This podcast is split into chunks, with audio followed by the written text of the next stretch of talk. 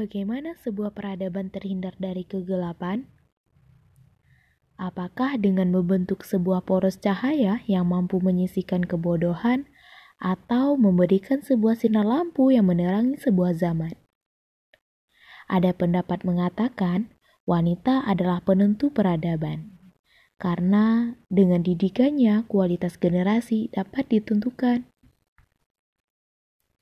Namun, cukupkah itu untuk menjadi sebuah cahaya? Mari berkaca pada Andalusia, sebuah negeri muslim yang berjaya pada masanya. Tentu bukan tanpa alasan, Abbas Ibnu Firnas dengan ilmu penerbangan, Al-Qasim Al-Zahrawi dengan ilmu bedah kedokteran, serta Abu Ishaq Azarqoli dengan ilmu perhitungan.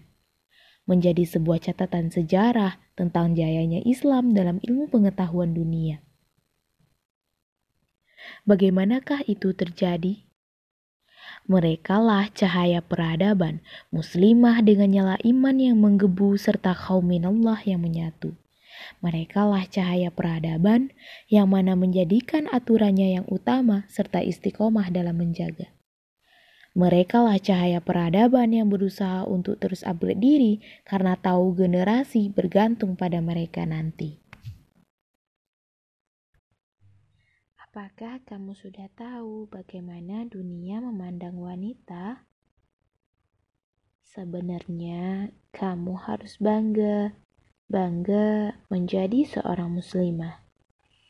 Sudah pernah dengar sejarah dunia bagaimana seorang wanita dipandang dan diperlakukan?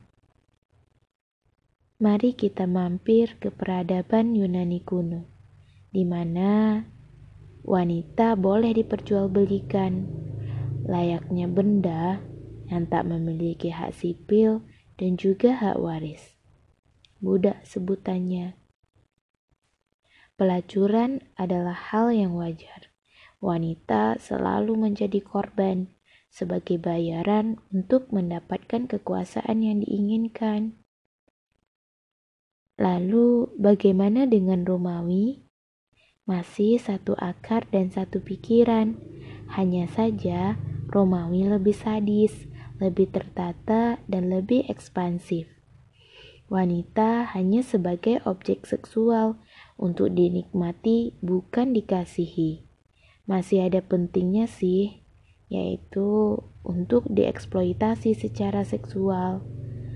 Tak boleh protes, terima apa adanya, karena kamu wanita. Begitulah kaum lelaki memperlakukannya. Jika murka kepada istri, marah kepada anak, bunuh saja, hingga membuat kaisar pusing kepala, diganti dengan yang lebih manusiawi.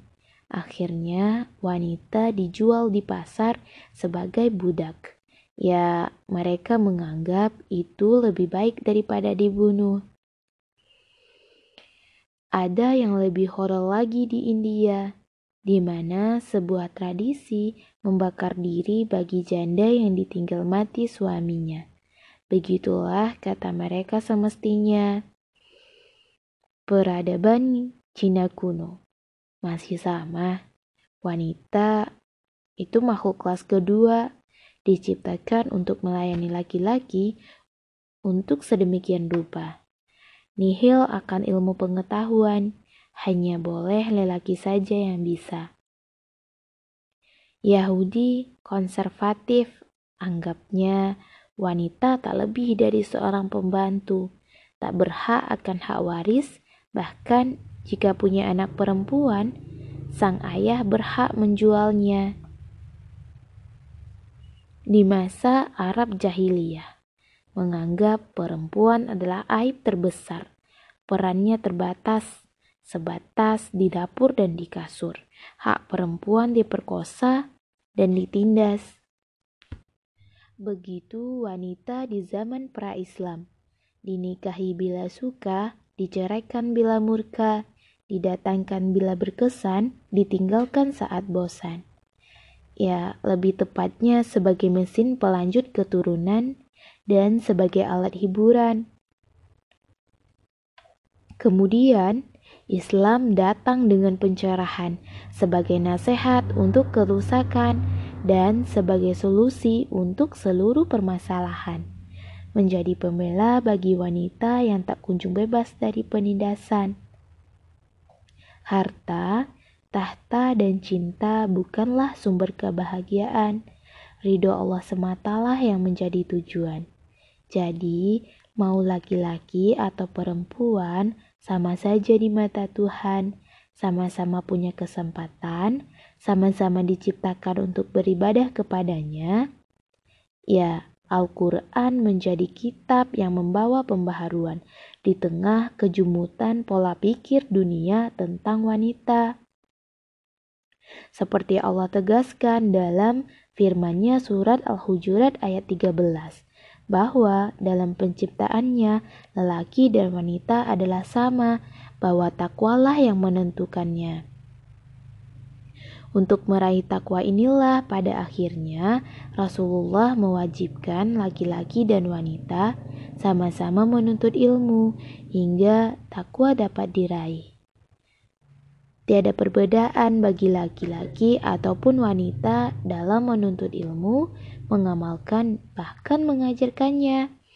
Masya Allah, begitu mulianya wanita dalam pangkuan Al-Quran, terhormat dan memanusiakan. Pesan kepada seluruh laki-laki, penuhilah hak-hak perempuan, dan untuk seluruh wanita, jagalah izah dan kehormatan kalian.